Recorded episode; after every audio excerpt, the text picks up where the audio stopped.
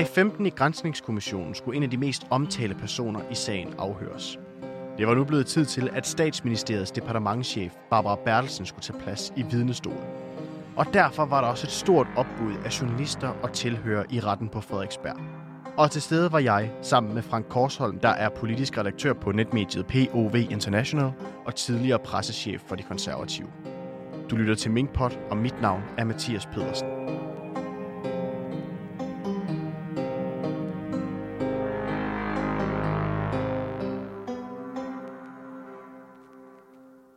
Jeg skal ellers slå for, at der var fyldt godt op i retten i dag. Det var der. Det var Barbara Bertelsen fra statsministeriet, departementchefen, og øh, måske den mest magtfulde departementchef, vi har set i Danmarks historie. Der var slet ikke nogen tvivl om, at det her det var en, en, en stor dag i Grænsningskommissionen, fordi der var virkelig, virkelig mødt rigtig, rigtig mange op. Altså ekstremt mange journalister, men også mange, som bare, øh, ja, som bare var kommet ind for at overvære afhøringen. Ja, men hun er jo hyped, som det her med nu til dags. Og, øh, og det var da også med rette. Altså, det var da en, en stor oplevelse at, at være der i dag. Det var da en optræden, vi så, og en, øh, en, en øh, præstation. De ligger ligesom ud i afhøringen med at spørge lidt ind til den her konstruktion, som der er i statsministeriet. Vi har jo hørt flere gange, at statsministeriet er jo blevet oprustet i forbindelse med tiltrædelsen af den nye regering.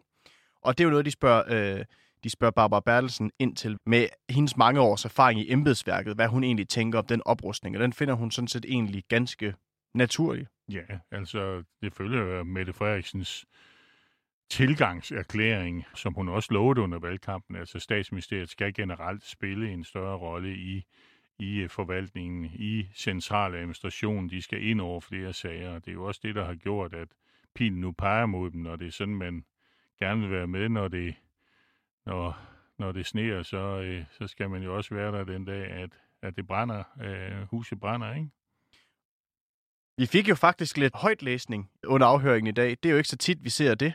Men uh, der bliver hævet et citat frem fra bogen uh, Det første år af anne Sofie Krav, som uh, har fulgt statsministeren det første år i sit, uh, i sit embede. Og i den forbindelse så hæver de et citat frem, som ligesom beskriver den her uh, centralisering. Og der uh, har Barbara Bertelsen altså lige lyst til lige selv at, at læse lidt op for at, at ligesom sætte konteksten, ja. hvor i det her det, det ligesom dukker op i bogen. Ja, det var jo ikke engang sådan, øh, den eneste gang, hun læste op. Altså, hun tog jo styringen øh, ligesom af, i, øh, over for udspørgen Jakob Holm Poulsen, øh, som jo ellers øh, plejer at lede møderne meget kyndigt. Det gjorde han også i dag. Det er ikke nogen, øh, bestemt ikke nogen kritik af ham, men, men vi så sådan for første gang en, der slapper afsted med at tage styringen. Vi har tidligere set en afdelingschef fra Justitsministeriet komme rigtig galt afsted øh, med den dagsorden, han ligesom skulle ind og spille Fandango over for Mink-kommissionen. Men Barbara Berlsen viste jo bare et helt, helt andet format. Altså hun kunne jo drejebogen, det der her ekstrakten, som, som er grundlaget for de spørgsmål, der bliver stillet, og den er næsten over på 10.000 sider i dag. Hun kunne jo alle sidetal, hun kunne henvise, og hun kørte op og ned i dem, og numrene, og, og øh, når hun ikke blev spurgt om noget, så førte hun dem selv hen til det nummer på ekstrakten og det, det sidetal, og den, den sms, som måske ikke der var blevet spurgt til. Så hun, hun øh, havde godt greb om, hvad, hvad der foregik. Man kan jo også sige, at Barbara Bertelsen er jo også en departementchef, der har prøvet det her før. Altså, hun har både øh, skulle, øh, skulle svare for sig i forbindelse med uh, Tibet-kommissionen, og også den her teledataskandale, hvor hun begge gange har været departementchef i Justitsministeriet. Ja, altså, hun ved, at man skal være velforberedt, og det var hun i dag. Det første nedslagspunkt i hele den her, hvad skal man sige, den tidslinje, som vi efterhånden har rullet lidt ud her, øh, i forbindelse med hele Mink-sagen, er jo i sommeren 2020, hvor det første tilfælde af corona blandt mink ligesom begynder at øh, dukke op på de forskellige minkfarme i Nordjylland. Og øh, der laver man jo hurtigt en strategi for, øh, i forhold til, hvordan man skal overvåge de her minkfarme. Og der har vi jo set en meget kendt mail efterhånden, øh, som er sendt direkte fra Mette Frederiksen, hvor hun øh, godkender indsatsen, men skriver øh, til sidst som en lille bemærkning, tvivler på, at det er nok. Ja når bemærkninger som dem her dukkede op i, i, øh, i kommissionen i dag, så var Barbara Bertelsen også meget hurtig til at sige, og det viste sig jo sådan set også at være rigtigt. Ja, altså at hun, det, det illustrerer ligesom, at hun har haft næsen i sporet, eller man i hvert fald i statsministeriet har haft næsen i sporet hele tiden. Og, øh, og det man jo også skal huske, når man øh, ser hele det danske minkforløb, som jo starter der i midten af juni med, med tre udbrud i, i minkfarme i Nordjylland, det er, at man har jo også udbrud i minkfarme i udlandet. Og, og, det, og det, er jo der, det er jo det, der altid har været Barbara Berlsens store styrke, det er, at hun orienterer sig ikke bare lokalt, hun, hun, øh, hun, hun, øh, hun orienterer sig globalt, og hun har fulgt med udviklingen i Holland, og hun har fulgt, fulgt udviklingen i, øh, også i Spanien, han også udbredt, sikkert også i, i Frankrig, jeg kan ikke alle de der lande, men især Holland, og det, og det nævner hun jo også i dag, at det, de noterer sig jo også, at i Holland, der, der beslutter, tager man jo en politisk beslutning, forholdsvis tidligt om at nedlukke, eller lukke hele erhvervet, forbyde minkavl simpelthen. Det havde man forbudt i forvejen. Det skulle have været forbudt for 2024, men det fremrykker man simpelthen til 2021 som følge af de minkudbrud, eller coronaudbrud, virusudbrud, der er i, i hollandske mink på det her tidspunkt. Så hun har næsen i sporet på det der tidspunkt, og ved, at øh, det, her har vi en sag, der kan udvikle sig. Og det er lige præcis det, der er en styrke i, i stort set øh, alle sager, som hun har været inde i, også i sin tidligere rolle som departementchef i Justitsministeriet. Og så gennemgår de jo sådan set øh, forløbet op til øh, omkring øh, slutningen af september, hvor det jo så viser sig, at det bliver sværere og sværere at håndtere smitten blandt mink. Og hun fortæller jo, at hun sådan set ikke hører nogen som helst drøftelser omkring øh, aflivning af alle mink. Altså hun deltager ikke i det forberedende økonomiudvalgsmøde, men hun deltager så ved det rigtige økonomiudvalgsmøde den, øh, den 30. september. Ja, og allerede der ligger der jo en risikovurdering fra SSI, fra Kåre Mølbak, som jo siger faktisk næsten det samme som den meget berømte, der når regeringen den 3. november, dog i en mindre skala. Men altså den risikovurdering, som de kigger på i øh, den 30. Øh, september, der, der bliver jo også, øh, der er man jo også oppe i, sådan i, i det store, øh, alvorlige vokabularium, hvor, hvor der bliver talt om, altså det er en meget klar analyse, og, og, øh, og Danmark skal øh, tage ansvar på sig, og at øh, mink-truslen risikerer at blive også en trussel mod effekten af, af de, altså de vaccineprogrammer, som er i gang i hele verden. Der bruger Mølbak jo så bare ikke, eller der har man ikke brugt ud for SSI den her øh, helt alvorlige, det her helt alvorlige billede med, at Danmark kunne blive det nye Wuhan, men altså i, i sådan øh, kogt ind, så, så minder den jo om, om, øh, om det, som vi også møder senere fra, øh, fra, eller får senere fra SSI. De udtrykker i hvert fald bekymringer ved smitten blandt mink, og noget af det, som Barbara Berlsen fortæller ved afhøringerne i dag, er, at hun frygter, at de ikke er hurtige nok til at få bugt med smitten blandt mink. Altså hun vil gerne have, at tempoet det bliver sat op. Det viser sig, at det er rigtig, rigtig svært for, for myndighederne at få aflevet de her mink her de steder, hvor der er de her smitteudbrud på det her ja. tidspunkt. Ja, og, og det fremgår jo også, at hun lufter sin mening på det her møde, fordi øh, det er jo ligesom kommet ud med to citater. Det er jo to citater, som øh, kommer fra Finansministeriet, hvor to embedsmænd, som ikke har været til stede på mødet, det skal vi lige huske at understrege, men de har altså hørt opsnappet det, hvor hun jo, hvor hun jo indirekte bliver citeret for, at hvis ikke der sker noget, så er hun klar til at sende, sende militæret ind og gasse øh, minkene i aften. Og det andet citat, som jeg øh, lige skylder at fortælle, det var det, det løb på, at øh, man skulle have været en flue på væggen og set Barbara Berlsen fyre maskingeværet af under bordet mod Henrik Stusgaard. Så det, det, det, det afspejler jo den stemning, der har været. Altså hun vil simpelthen have fart på de her øh, minkaflivninger. For det første så genkender hun ikke selve ordlyden af nogle af de her citater her. Altså hun får sagt sådan lidt med et lidt uh, skævt smil, for hun sagt, der er nogen, der har haft det sjovt på arbejde den dag, siger hun. Ja. Og så er hendes forklaring på, hvorfor det her citat her ligesom sådan er kommet frem. Det kommer af, at hun mener, at det går for langsomt med at få, få slået de mink ned, hvor der er smitte på de her farme her.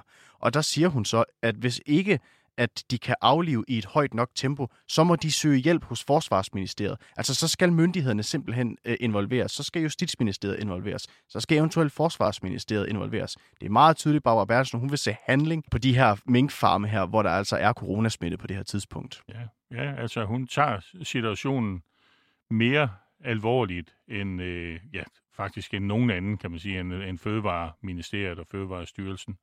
Ja, det, det, det her skal der ingen tvivl om, men det er jo det, vi også så under coronans udbrud i, i marts, øh, i marts sidste år, der tog hun jo også hele den situation mere alvorligt, end man gjorde i Sundhedsstyrelsen. Altså, så hun er, øh, hun er en blodhund, og når først hun får næsen i sporet, så, så skal det altså leveres.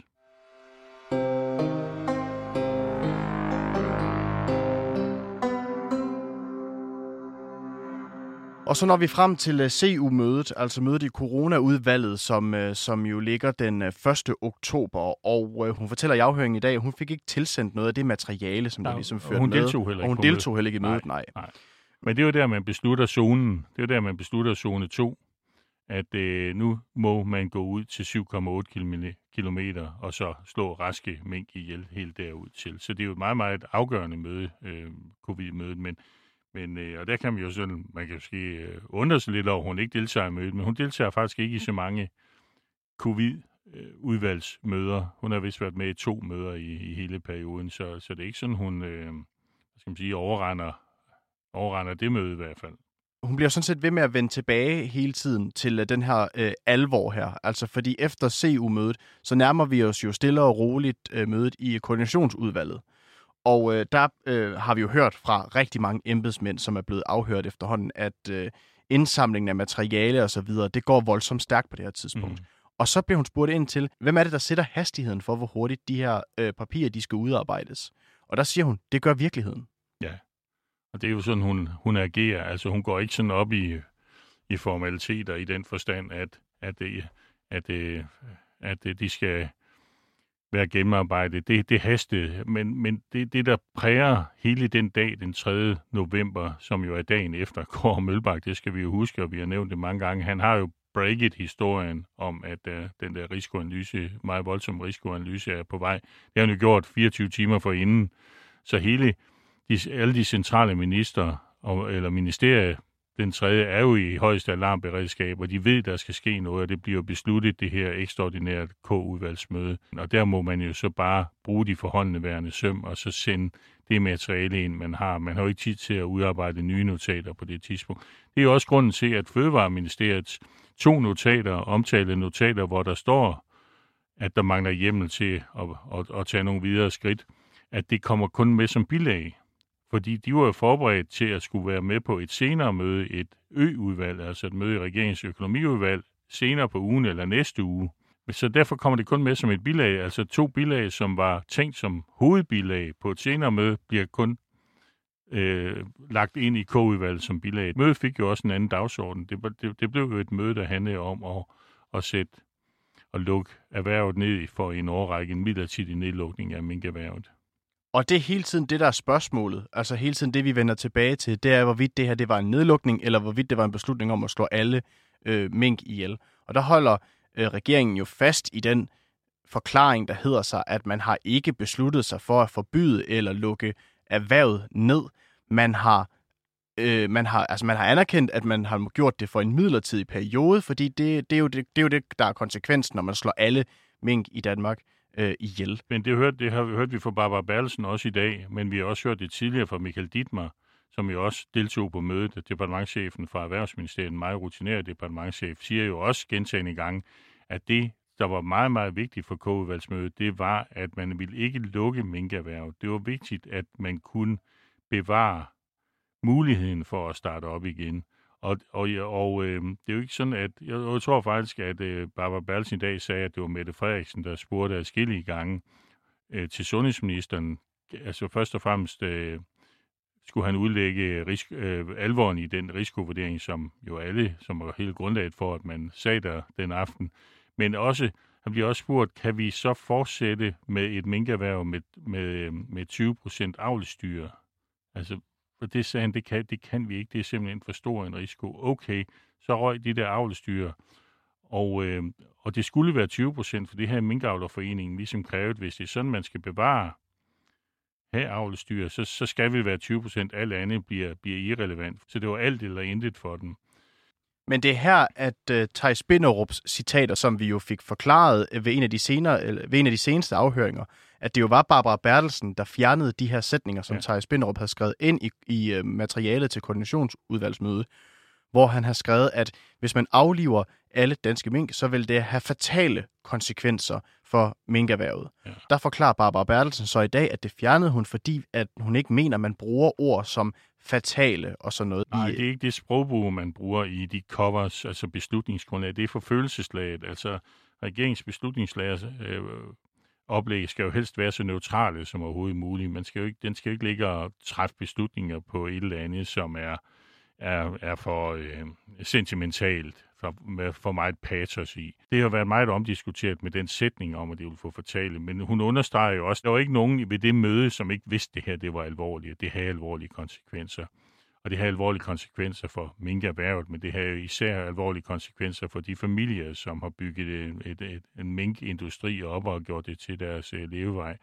Og det adresserer hun jo også, altså vi er også nødt til at være retfærdige ved, ved statsministeren her, det adresserer hun jo også i den, ved det pressemøde, hun har dagen efter. Så, øh, så Thijs Binderups sætning, eller fjernede sætning, slette sætning, det er, øh, den har ikke haft nogen som helst betydning, og, og øh, og øh, altså for beslutningen eller for, for, noget, for, for, for nogen som helst overvejelse ind på det møde. Hun understreger så også, at øh, den her diskussion her om, hvorvidt der så var hjemmel til, at eller man vil aflive alle mink i Danmark. Øh, det siger, der siger hun jo ligesom de andre, at det kommer jo ikke op på noget som helst tidspunkt, det her emne her ved mødet.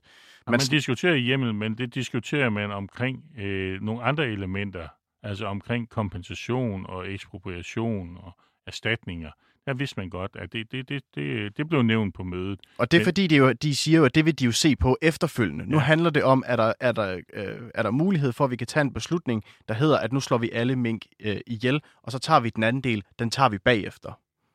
Ja, altså, hun gentog altså hjemmeldiskussionen, den, den var ikke oppe, og, øh, og hun fik jo også sagt det senere hen, som vi også har hørt fra andre, at øh, i givet fald skulle det have været fagministeriet. Altså, der er ingen tvivl. Altså, hun, hun peger på fagministeriet, altså det vil sige Fødevareministeriet, som, som, øh, som ansvarlig, som skurken i hele den her øh, minksag. Altså, de skulle have ragt hånden op, eller de skulle have, have, have haft indvendinger, hvis det var sådan, de havde set noget, et problem. Og det skal de ikke bare, hvis man ser i k Hun siger, at det er altid i fagministeriet, du ser et, et uformelt sted, eller du mødes jo i byen eller andet, så er det fagministeriet, som, som har øh, ressortansvaret og har ansvaret for at gøre opmærksom på, hvis der skulle være nogle øh, uregelmæssigheder.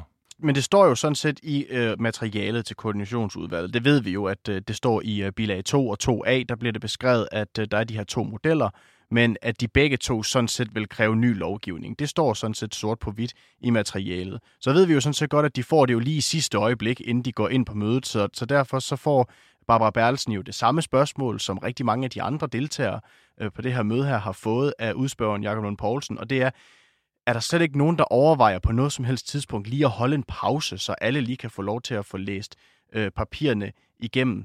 Men der siger Barbara Berlsen også, at det, øh, det er ikke nødvendigt, fordi det, der er en stemning i rummet, der antyder, at der er kun én vej at ja. gå med den her risikovurdering, som ja. de har fået fra Statens Serum Institut. Ja, der var jo en alvor i rummet. Der var en, har været en alvor hele dagen i centraladministrationen. Departementchefsmøde der, som de, de har haft to af i løbet af dagen, og især det sidste om kl. 3 om eftermiddagen. Der er en alvor, der præger det der, og det er, at der skal træffes en beslutning. Der er ikke nogen vej udenom at træffe en beslutning. Og, og uanset om de har fået at vide, at der ikke var lovhjemmel, så var den beslutning blevet truffet. Det, der, det her skal der ingen tvivl om. Så har de efterfølgende dage jo haft det selvfølgelig et andet forløb, og, og vi har ikke set op i, i Rand på Frederiksberg og, og, øh, og fuldt en, en sag, som jo ikke var blevet til noget.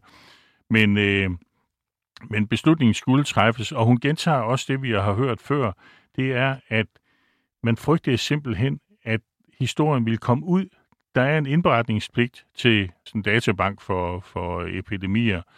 E, øh, ED, CD lyder det som en rockband. Og, øh, og så er der også det WHO. Og, øh, og det kan, det, det, jeg tror, at ovenikøbet, de skulle indberette dagen efter allerede. Og det er fordi, at man jo i den her tid, der spreder man, øh, det er jo en pandemi, man har i, i, i hele verden, så man skal sprede den information, man samler op, altså de lokale sundhedsmyndigheder, den skal ind i de her, den skal tilgå andre lande også. Så man kunne ikke holde på, på, øh, på nyheden. Og, øh, og man frygtede jo, at øh, fødevareeksporten ville gå fuldstændig sort. Man havde set nogle tendenser til det i Kina, der havde haft lukket noget for import af Danish Crown-produkter. Og øh, i England begyndte man at, også at lukke ned for ikke import, men altså for indrejse af danske statsborgere. Så kommer pressemødet den 4. Beslutningen går i gang. Der bliver sendt et brev ud til øh, minkavlerne og så påstår Barbara Bertelsen i hvert fald ved dagens afhøringer, at hun får ikke noget som helst at vide omkring de her diskussioner, vi ved, der foregår mellem Justitsministeriet og Fødevareministeriet omkring den manglende lovhjemmel, før at den her hastelovssag, den bliver sat ind i systemet. Så hun hører jo sådan set ikke noget, øh, siger hun selv, før den 8. november. Det er jo samme dag, som også statsministeren bliver orienteret om, fordi hun, statsministeren skal formelt set sendt, sendt hasteloven over til behandling i, i Folketingets øh, præsidium. Det er sådan en ren procedure. Men hun hørte ikke før der søndag aften heller ikke. Og, øh, og jeg ved ikke, om, om det er meddelelsen om, at der skal en hastelovgivning øh, på plads, der sådan øh, bringer hende i, i chok. Men, men hun bliver jo chokeret over det, hun øh, ligesom hører over fra, øh, fra Fødevare, Fødevareministeriet. Altså et hele taget er, ved de ikke ret meget. De er meget, meget stor vildrede i de der dage, den 8. og især den 9. Fordi de ved, at Mette Frederiksen skal i spørgetime tirsdag den 10. Og, og hvis der er én ting, en minister ikke må, og øh, hverken en almindelig minister, der er slet ikke en statsminister, så er det at lyve i Folketingssalen. Så, så de skal have alle mulige informationer ind, og det hun så opdager der, den 8. og den 9., det er jo, at Fødevareministeriet har, har sendt det her berømte brev ud til minkavleren den 6. fredag den 6. Og de opdager også, at Måns, øh, Mogens Jensen har sendt en pressekommentar ud til en række medier, Ritz og nogle af de store øh, medier, Ekstrabladet og BT og Berlingske Tidene, om at den beslutning, at regeringen godt vidste, at den beslutning, der blev truffet, var ulovlig, men at man er på grund af omstændigheden øh, øh kørt videre alligevel. Det kunne Barbara Berlsen simpelthen ikke have sinde på sig. Så hun går helt op i det røde felt og begynder jo så at tage affære. Og det, det sker der den, den 8. og især den 9., hvor jo øh, både departementchefen i, i, i Fødevareministeriet, altså Henrik Stusgaard, han bliver bombarderet med sms'er og, og, og, øh, og vi får de her berømte, som vi allerede har set, altså nu må, han, nu må de snart lægge sig ned og rulle, altså nu må de tage ansvaret på sig. Der er jo andre sms'er, øh, som også florerer med, hvordan man skal holde Mogens Jensen ude i, i strakt arm. Men det er også fordi, hun siger, at hvis ikke, at der bliver ændret på kommunikationen fra Fødevareministeriet af, så er Mette Frederiksen nødt til at undsige ham ja. øh, til den her, øh, den her spørgeteam i Folketinget. Og det er der, den her sms omkring, at øh, det ender med at ramme ham i hovedet selv, eller sådan noget, tror jeg, ordlyden er af den her sms her. Hvis ikke han selv går ud og påtager sig alt, øh, ansvaret, fordi ellers så kommer statsministeren til at gøre det i spørgetimen. Ja. Fordi al kommunikation, der har kørt indtil videre, har handlet om, at for eksempel, at det her brev her, det var et, øh, et, et, øh, en opfordring, for eksempel. Og der er, Barbara, der er Barbara Berlsen meget, meget klar i sin kommunikation, der hedder, nej, vi har hele tiden handlet i den tro, i hvert fald i statsministeriets side af, at der var lovhjemmel til den her ja, beslutning her. Ja. Så det var ikke nogen opfordring. Ja. ja, og hvis vi havde vidst, der ikke var lovhjemmel, så havde vi sagt det. Altså, hvad skulle motivet være? Det understreger hun jo også.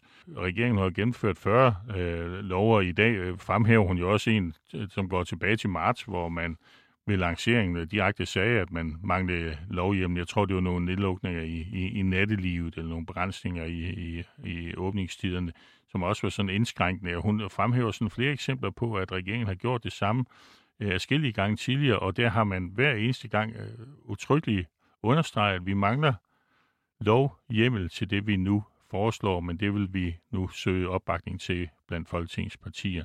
Men man kan sige, hvis, hvis man var kommet i den teoretiske situation, at Mette Frederiksen skulle undsige Mogens Jensen i spørgetiden, så havde Mogens Jensen jo heller ikke haft lang levetid tilbage i regeringen. Så havde oppositionen jo mødt ham med en mistillidsdagsorden allerede dagen efter, eller meget, meget kort tid efter. Så den skæbne, eller øh, den omkostning, øh, Mogens Jensen kom til at betale, som jo var at trække sig fra regeringen den 18. november, den var uundgåelig.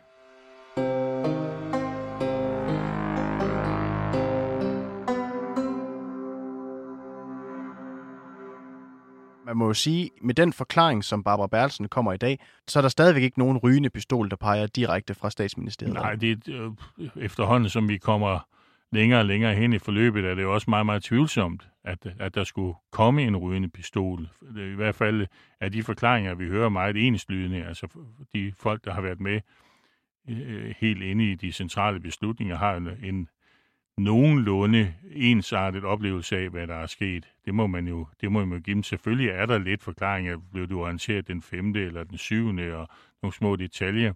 Men sådan i det store hele er det jo den samme forklaring, øh, vi hører alle steder fra. Men selvom at der tegner sig et billede af, at der er en ens øh, forklaring, så er der stadigvæk nogle små konfliktpunkter mellem øh, Fødevareministeriet og så nogle af de øvrige ministerier.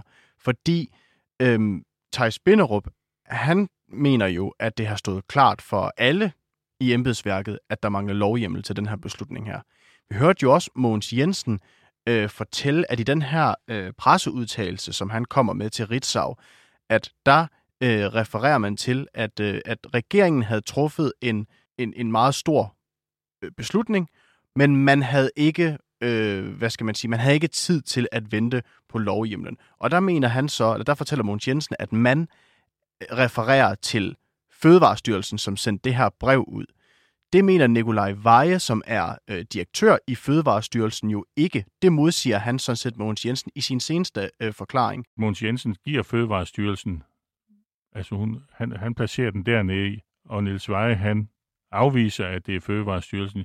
Min opfattelse af det, Barbara Berlsen siger, det er, jeg kan ikke have se, vi kan ikke have sinde på os, at der er en mistanke om, at det relaterer sig til regeringens beslutning, og det, og det øh, førstkommende pressemøde den 4 at det ligesom er regeringen, fordi vi ved, at øh, uh, Måns Jensen har jo skubbet regeringen foran sig hele tiden, og det har jo også irriteret Barbara Berlsen, fordi at hun siger, at der er jo et fagpolitisk, altså et sektoransvar. Det er Fødevareministeriets ansvar, og derfor skal han ikke ligge og, og tale om regeringens beslutning og, og øh, øh, bruge det i, i flere vendinger hele tiden. Det er kun ene og alene Fødevareministeriets øh, ansvar, den situation, man er bragt i. Det skal han holde regeringen helt udefra, og, og især holde statsministeren udefra.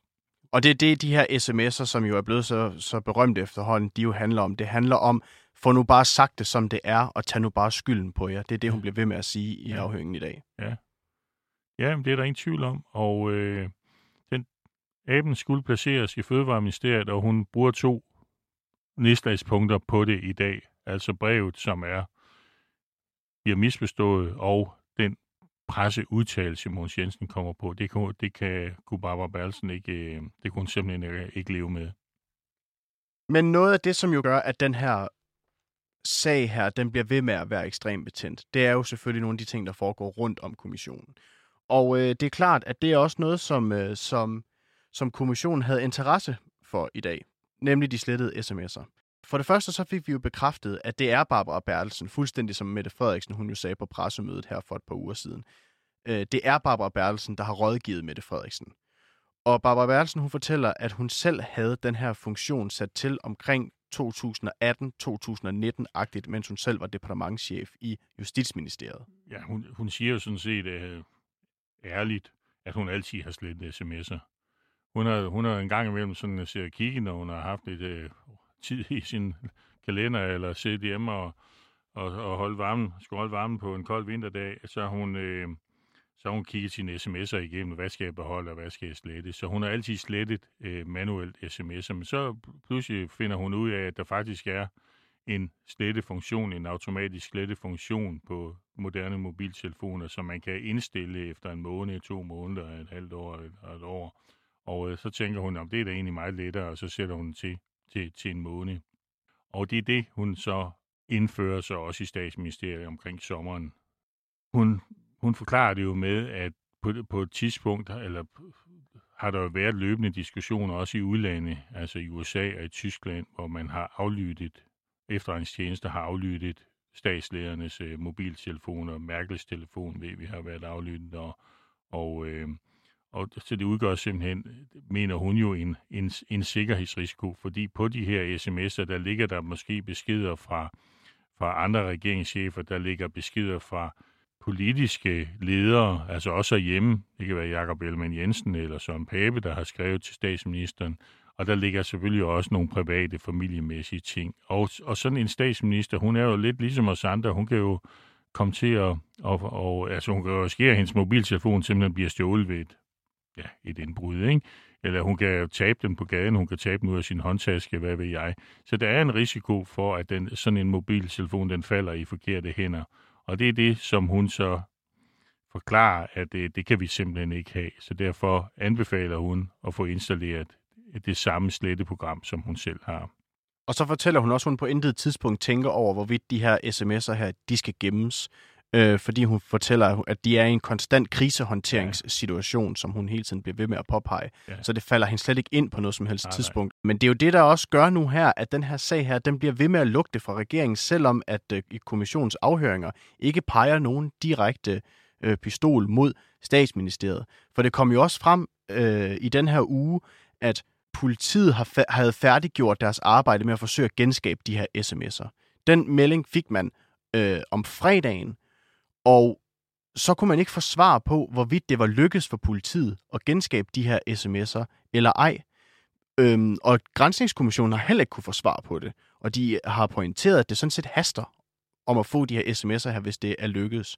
Så kommer det så frem dagen før afhøringen af Barbara Bertelsen og dagen efter kommunalvalget.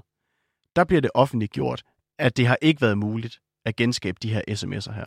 Altså, det, det er jo meget svært at vide, hvad der op og ned, om der ligger noget strategi i at holde dem holde nyheden skjult så længe, altså nyheden om, at man ikke kunne genskabe dem. Så vidt jeg har hørt regeringens forklaring, så bliver, det afleveret, så bliver det afleveret i en konvolut til Justitsministeriet om fredagen. Og så skal det overbringes. Og der er meget, vi sagde i hvert fald selv, brugte i hvert fald hele lørdagen i Mink-kommissionen.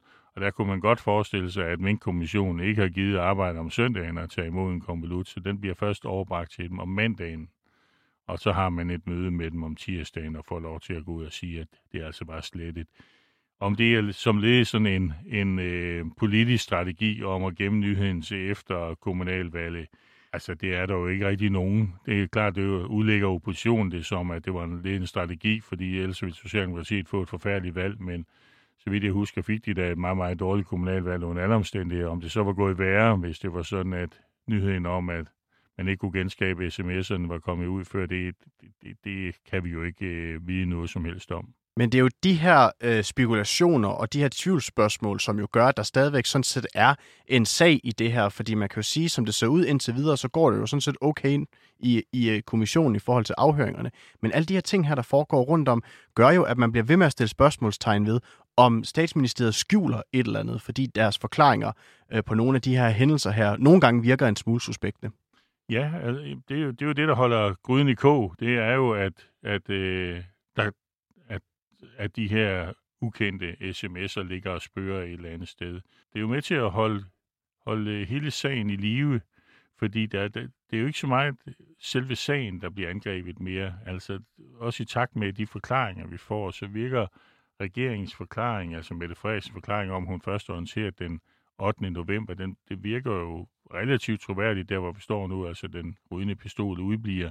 Så, så derfor er sms-sagen, den er jo kommet som en appelsin i turbanen på oppositionen, at, at nu kan vi i hvert fald bruge den til at stadigvæk mystificere sagen, og stadigvæk svække Mette Frederiksen som statsminister, altså undergrave hendes troværdighed.